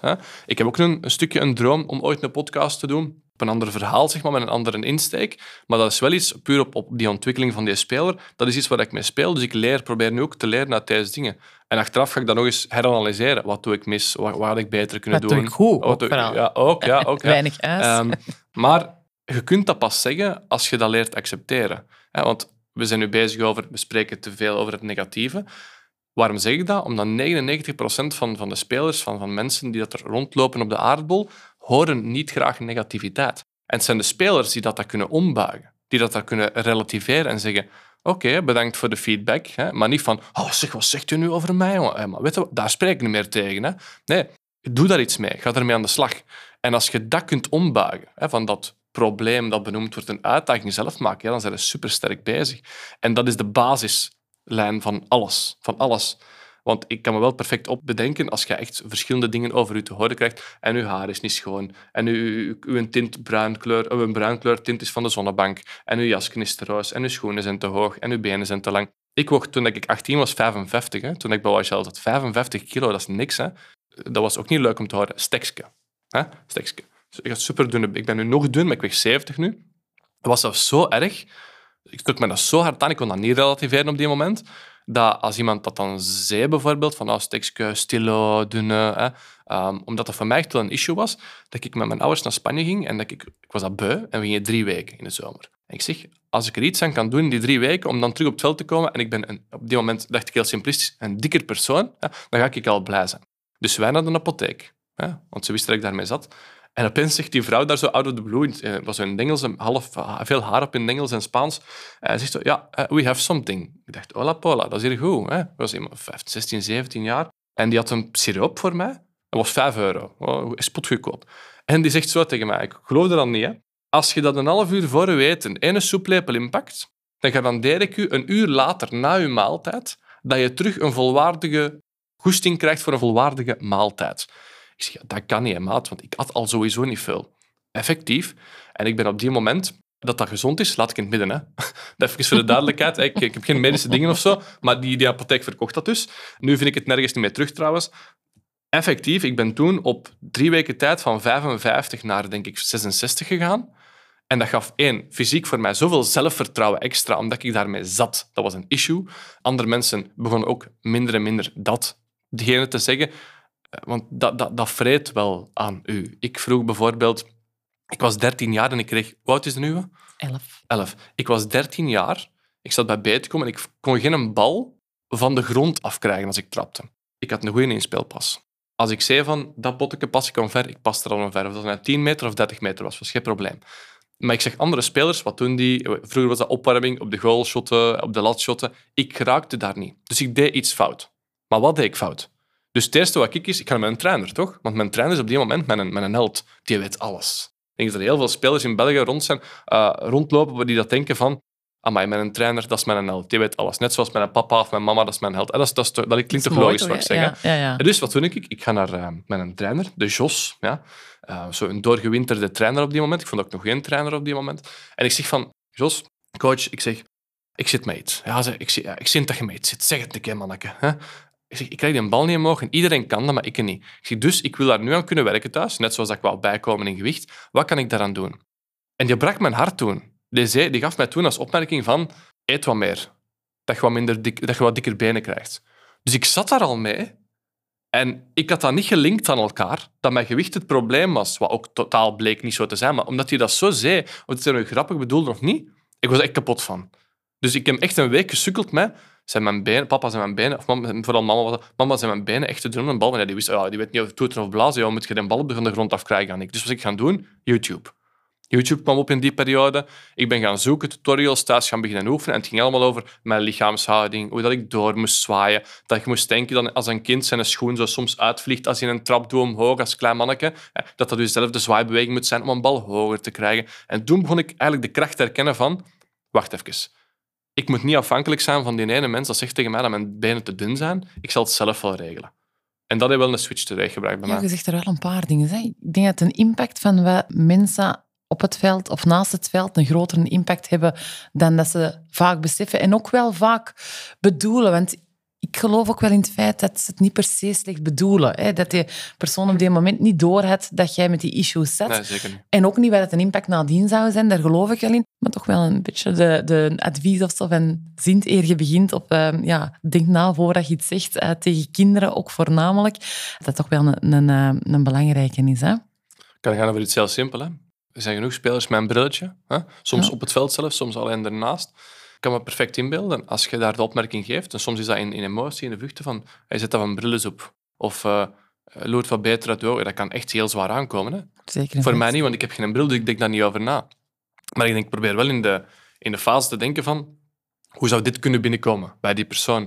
En je kunt dat aanvatten als vermoeiend. Ja, maar als ik daar altijd over moet nadenken, dan ben ik een uur bezig. Of je kunt ook denken, als ik daar nu over nadenk en ik leer daarover communiceren op Ja, een andere manier, Dan, dat is dat gewoon komen, toch een extra procent dat je Ja. bij op je balans hebt, waar je meer kwaliteit hebt. Dus alles is mooi dat je het zelf bekijkt. In het begin vergt dat energie van je om dat te leren, maar nadien is dat ook gewoon een gewoonte dat je omzet. Hè. Dus dat is, en een tweede zaak wat ik ook wel hoor, is dat, dat zelfvertrouwen om naar de trainer te gaan, om iets te vragen om bij te leren, is daar toch ook weer wel cruciaal. Hè. Dus Ja, een dat is paar echt keer een gezegd. issue. Dat is echt een issue. Daarom.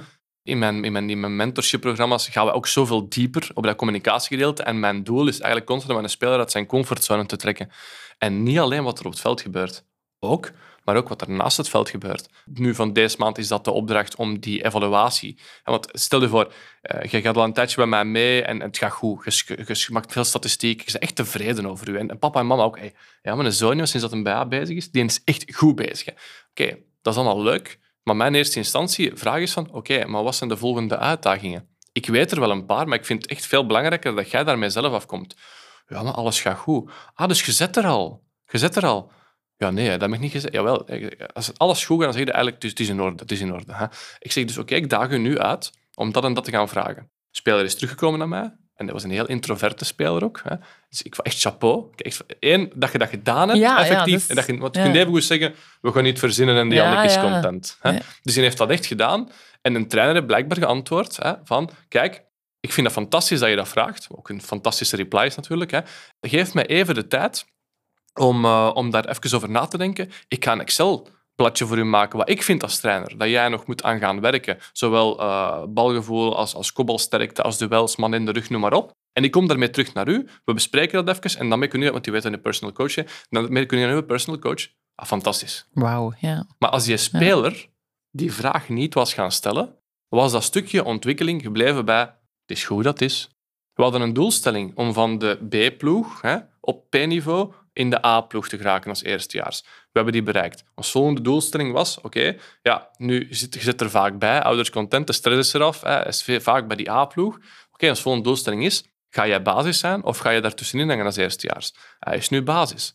Ons volgende doelstelling was, en dat kan soms heel snel gaan, hè, Ja. en, maar dat kan ook soms twee, drie maanden duren. Ons volgende doelstelling was, oké, hoe ga jij nu eh, je favoriete positie bekleden? Want nu sta je links of rechtsback en je hebt zelf gezegd tegen mij in je doelstelling, ik wil op 11 of 7 komen, of op 10. Hoe gaan we ervoor zorgen? Wat is er voor nodig om die berg te beklimmen en dat tussenstukje om die berg te beklimmen, dat, dat is dat gedeelte van hoe gaan we daar geraken? Oké, hij staat nu op een positie, hij zegt, ah, eigenlijk die linksbakpositie, ik begin dat leuk te vinden. Oké, super. Dan passen we ons doelen weer aan.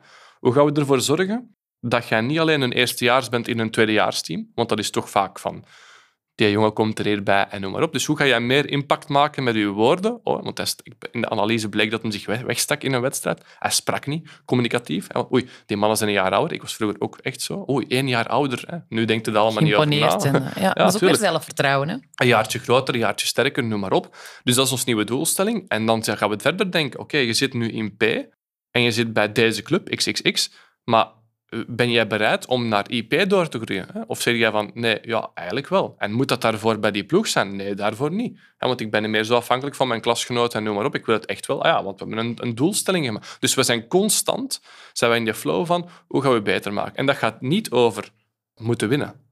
Jij moet niet van mij op 11 komen. Wat wil jij? En wat kan ik u aanbieden om daar samen sneller naartoe te gaan? En als je die doelstellingen constant 1% verder legt, ja, dan maakt je op een seizoen tijd zo'n enorme progressie. Maar dat hangt dan allemaal ook weer vast aan een stukje, dat begint met zelfvertrouwen, faalangst. Ik had daarnet ook gezegd, weinig opties om te dribbelen. Ik had bijvoorbeeld naar het Flame bij mij. En die was heel eerlijk daarin. En dat vind ik wel top. Want vaak gaan we ervan uit, ja, die is Red Flame. ja, die heeft het van elkaar. Dat is hè. dan niet jeugd, hè? Nee, dat was Ja. inderdaad hè, Ja. een vol- volwassen vrouw. Ja. En die zeggen gewoon tegen mij van, kijk, ik ben goed in wat ik doe. Ik ben best een, een lichte speelster. Ik sta vaak op de 10, middenveldenposities. Maar ik wil meer impact hebben in balbezit. Dat wil zeggen, ik kan... Die haar passing, haar spel, is altijd perfect. Bijna, bijna perfect. Die haar balgevoel, balvaardigheid, zegt amai, dat is precies de Iniesta van de vrouw. Maar ik wil ook op die kleine ruimte een directe tegenstander kunnen uitschakelen. Met een efficiënte beweging. Oké, dat is mijn expertise. Ik ga u een, een een ranking geven van 1, 2 en 3, afhankelijk van makkelijk naar moeilijk, zodat je dat eigenlijk automatiseert in je hoofd en kunt zeggen van, ik krijg balbezit en niet van, oei, oei, wat ga ik nu doen? En want dan, dan komt, oei, er is pressing op mij. Nu sla ik in paniek, ik ga de bal weg breed spelen, want dat is safe. Wat we vaak zeggen van Witzel. Hè? Hij speelt safe, hij is saai. En we, willen, waarvoor gaan we naar het stadion? We willen entertainment. Is gewoon zo. Niemand gaat naar de Antwerp zien om wetende van, ah, wel, vandaag wordt het 0-0. Dat gaat eens plezant worden, toch? Er moeten dingen gebeuren. Die supporters zorgen er één zelf voor, maar ze willen ook iets op het veld zien gebeuren. Dat vuur, die honger, die grind. dat- Oké, maar dat begint ook met de spelers op het veld. En de actie maken, hebben we eraan gewerkt. Gaat nu veel vlotter. Speelt ook niet meer in België momenteel. En zo heb ik er nog een paar. Dus echt die, die acties vanuit de positie. Want uw zoon speelt op, wat was het, tien? Alles. Alles, moment, alles. ja. Hè. De, acties, voor, ja. de acties vanuit een 11, Ja. ja, of op linksflank als rechtsvoetige, zijn heel anders dan die op een 7, omdat je de lijn meer gaat afgaan op 7. En van op 11 ga je naar binnen komen, gelijk in het zaalvoetbal, meer de actie gaan maken. En dat is vaak een technische linkse flank rechtspoot. Dan heb je ook een teampositie waar je van alle kanten wordt benaderd. Ja, dan ga je heel anders moeten gaan nadenken. Want als ik op links sta en mama en papa staan naast mij naast, langs de lijn, ja, mama en papa vallen mij niet aan. Dus het spel bevindt zich langs de binnenkant of vooruit. Dus heb ik twee manieren die dan mij kunnen gaan benaderen. Maar als je in het midden staat, centraler, ja, dan kan het van alle kanten komen. Hè? Het komt van links, komt van, van komt van rechts, bij kan van alle kanten komen. Dus je gaat meer moeten, moeten bekijken van hoe kan ik mijn awareness, hoe weet ik toch perfect hoeveel tijd dat ik heb om alles te gaan benutten, zeg maar. En welke skills kan ik hier aan toevoegen? Efficiënt. Zonder dat mijn trainer begint te roepen, "Ah, het is niet waar, hè, maat, maar ja, niks, stop toch met die dribbles, man. Speelt gewoon een bal af. Ja. Toch? Dat gaat over efficiënte skills. Vaak hebben mensen de Simpel. perceptie, maar Ja. keep it simple. Simpel is al moeilijk genoeg. Hè?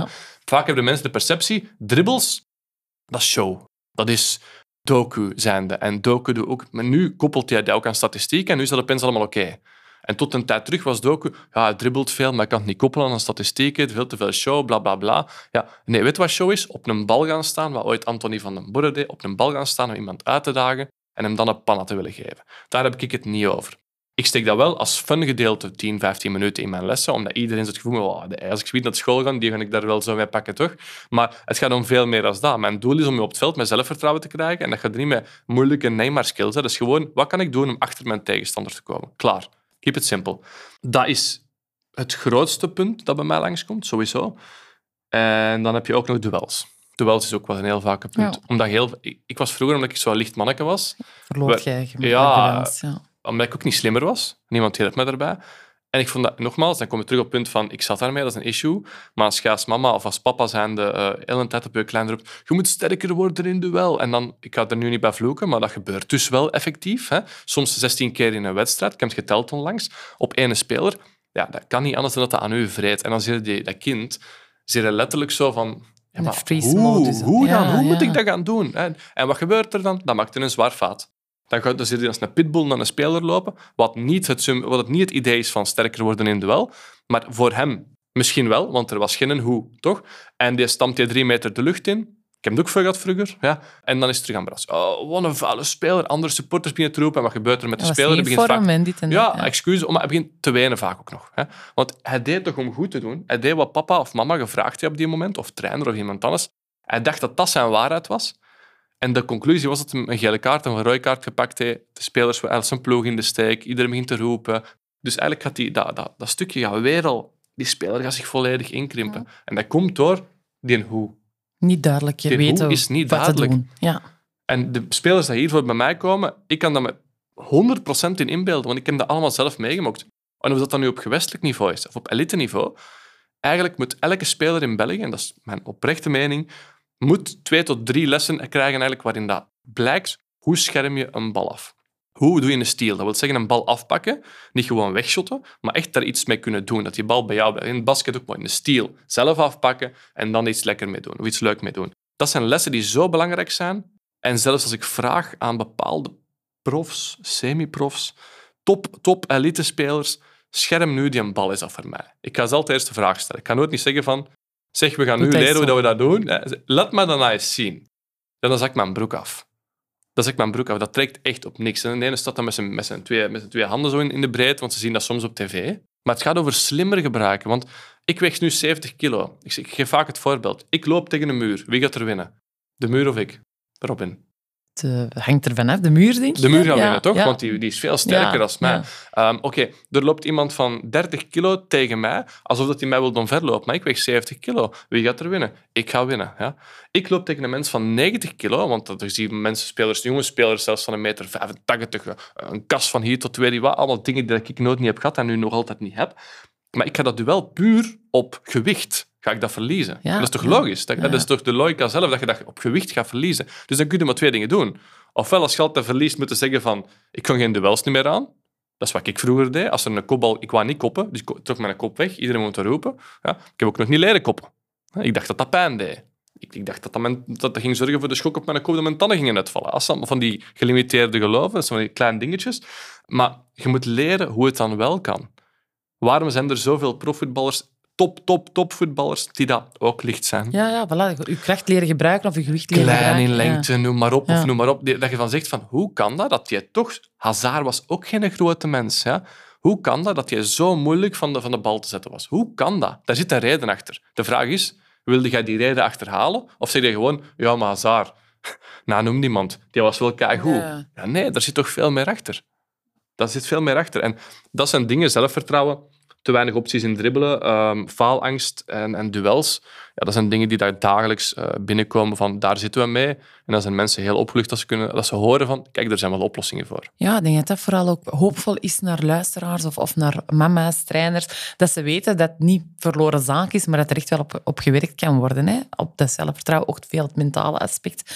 Toch ook wel. Er is al heel veel gezegd. ehm, ja. Ja, sorry. Ik ben Nee, echt, zo, keigoed. ik ben echt een eh, spraakwaterval op dat vlak. Dat, en, dat eh, zouden we willen, hè? Dat zouden we willen. Maar zijn er nog dingen die ik niet heb gevraagd die je zelf wilt benoemen?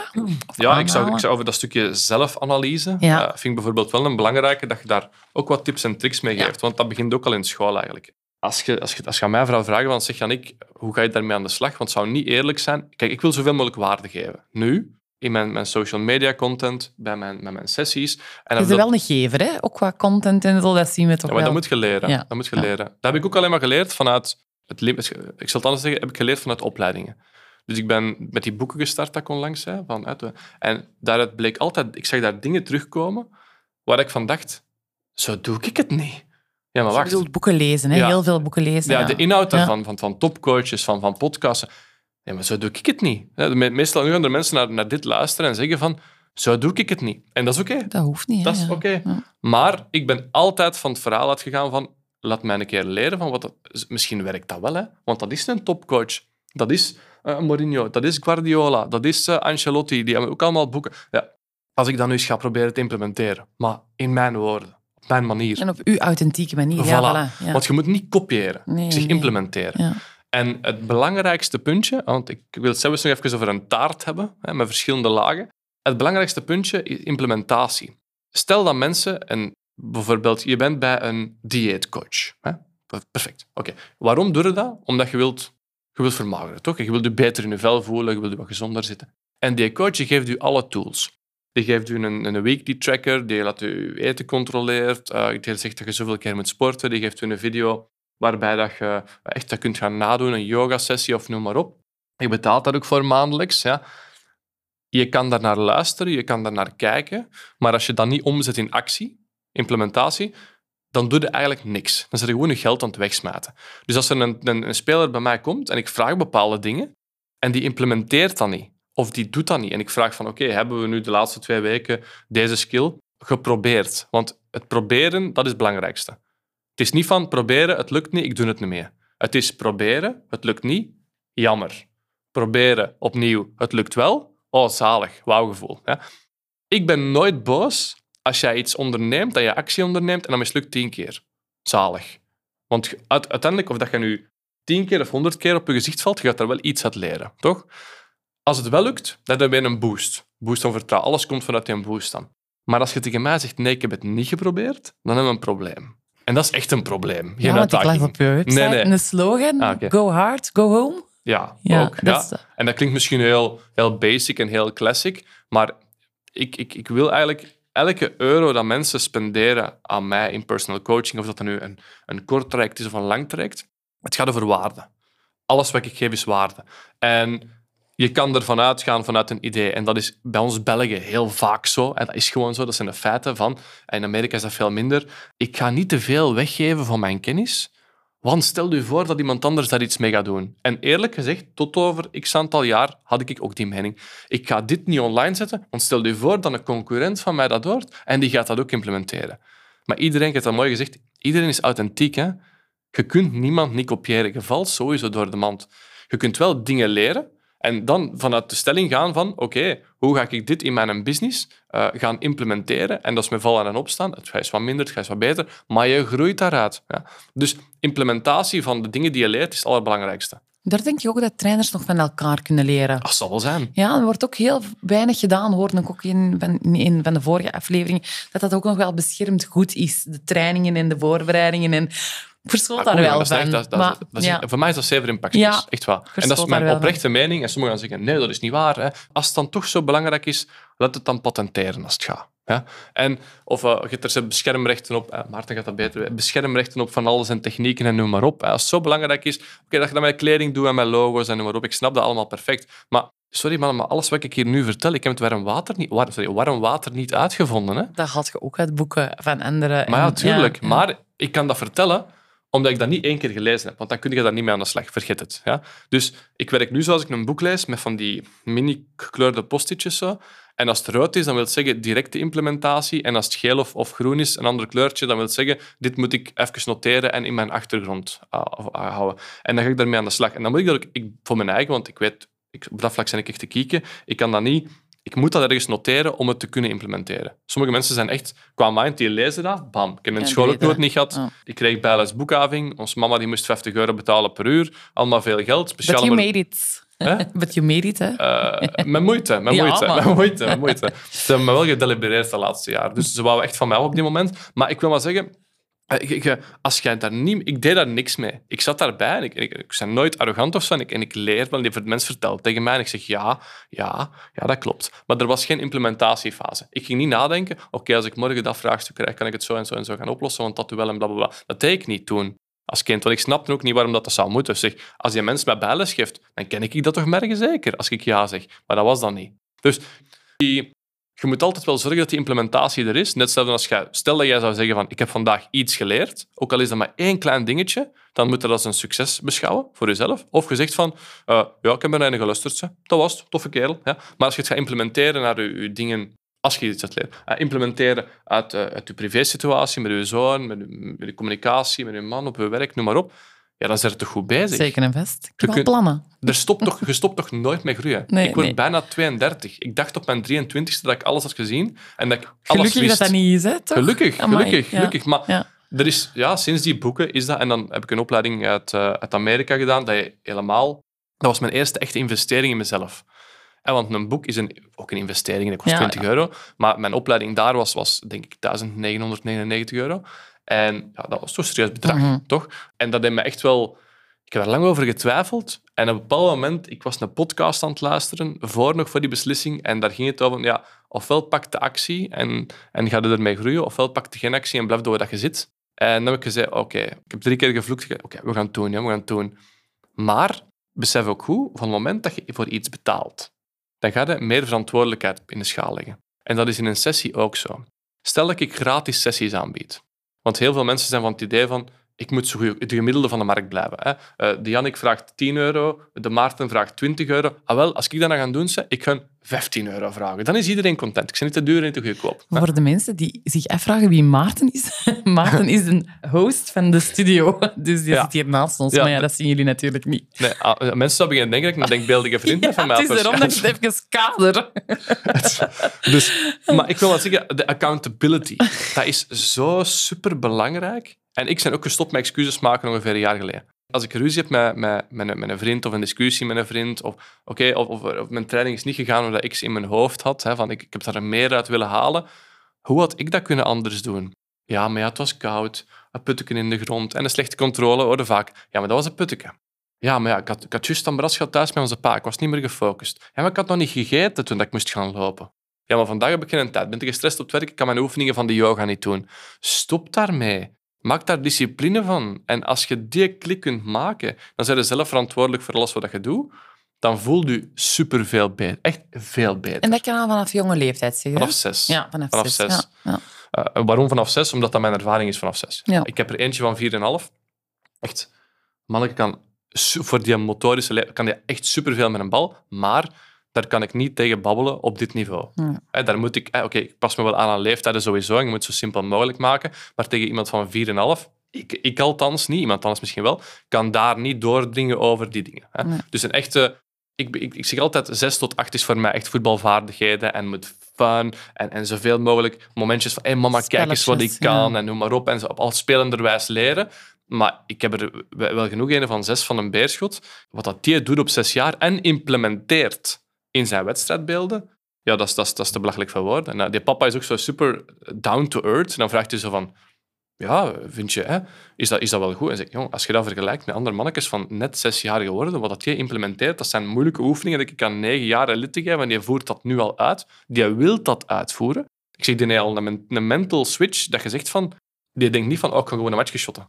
Je zegt, ik ga mijn nummerke doen, ik heb wat ik bij Jannik geleerd heb, die oefent daar thuis op, we gaan daarmee verder. Ik zeg, dat is, dat is echt dat is een soort van talent. Echt een talentontwikkeling. En de ene gaat dat supersnel, en bij de andere gaat dat wat trager, maar iedereen heeft talent en iedereen kan groeien. We gaan stilletjes aan naar het einde toe van de aflevering, maar ik heb eigenlijk toch nog één vraag uh, voor jou, Jannik. Als je nu iets zou moeten kiezen wat het belangrijkste is bij een jeugdspeler, is het dan het mentale aspect of het technische aspect? We overroepen die twee iets te hard. En om het makkelijk te maken, en nogmaals, dat is mijn eigen mening, want er zijn, zijn genoeg ehm, trainers, coaches, andere experten, zeg maar, die er andere meningen over hebben. Uh, maar dat maakt me allemaal niet uit. Ik ga vanuit die ervaringstuk en ik maak er een taart van. En je moet pakken, als je een taart hebt, als je visueel voorstelt, je hebt altijd een bodem. En dat zijn je voetbalvaardigheden, je voetjes. Daar begint alles mee, toch? Of dat je na twee jaar zit en tegen een bal aan stampen zet, dat is je, je, je gebak, zeg maar. En dan, je moet die taart samenhouden. En dat is je mentale weerbaarheid. Dat is je buitenkant van je taart. Je gaat ervoor zorgen dat er, zo, ja, dat er een vorm rond zit, dat dat toch niet zomaar uit elkaar begint te puzzelen of uit elkaar begint te lopen als je in de oven gaat steken. Dat is je mentale weerbaarheid. Dus je hebt al voetbalvaardigheden, je hebt de mentale weerbaarheid. En daar bedoel ik eigenlijk mee dat het een vermogen is om om te gaan met druk. En druk moet je bekijken als een privilege. Als je naar de Netflix-serie Breakpoint ziet, bijvoorbeeld over tennissers in het mentale gedeelte, ja, en het is wel van internationale topcoaches dat ook zeggen. Moet, moet druk niet bekijken als oh, zoveel stress, ik ga eronder bezwijken. Ik, ik heb altijd druk, ik heb altijd druk. Hè. Bekijk dat nu een keer als iets wat dat je, dat je daar zelf voor gezorgd hebt. Stel je voor, ook op een bepaald moment, als hier iemand gaat komen, ik, het is nu maar Jannik Carnus dat hier zit. Ja, en binnenkort, zelf niet. Binnenkort zit uh, de, zeg maar, de CEO van de KBVB hier. En jij zegt van, amai zeg, als een dien hier komt zitten, dat, eh, dat is zoveel druk op mij zeg. Want stel je voor dat ik iets fout doe, en dat is druk die je zelf oplegt, maar dat komt alleen maar, Robin, omdat jij op die moment dat ook zo ver laten komen. Het dat zich zo ontwikkeld dat je die persoon hier gekregen hebt. Je hebt het zo ver gekregen dat je die match mocht spelen, dat je die finale mocht spelen, dat je dat toernooi kunt winnen, dat je de titelwedstrijd speelt voor Cambuur. Dus je bent daar altijd met een reden. En dat is het belangrijkste dat ik geleerd heb van mental hacks van tennissers. Ook al heb je op het moment het heel moeilijk en zeg je van ik sta op crashen, dan moet je eigenlijk altijd denken van ik sta hier een reden. Ik sta hier niet zo ver geraakt zomaar. Dat was geen toeval. We staan niet zomaar op die titelmatch. We gaan dat nu pakken. En dan zeggen we altijd, finales moeten niet spelen, die moeten winnen. Sommige mensen horen dat graag, sommige niet, maar sommigen me zeker gelijk geven. Dus je je een buitenkant mentale weerbaarheid. En dan is het ook nog een stukje bij mij heel belangrijk, is snelheid van uitvoering. Dat is bovenop die taart, doe je wat snelheid van uitvoering. Want ik zeg altijd, je kan iets zo goed oefenen of kunnen in je tuin, zonder druk, zonder alles wat je wilt. Ah, oh, zie eens wat ik kan.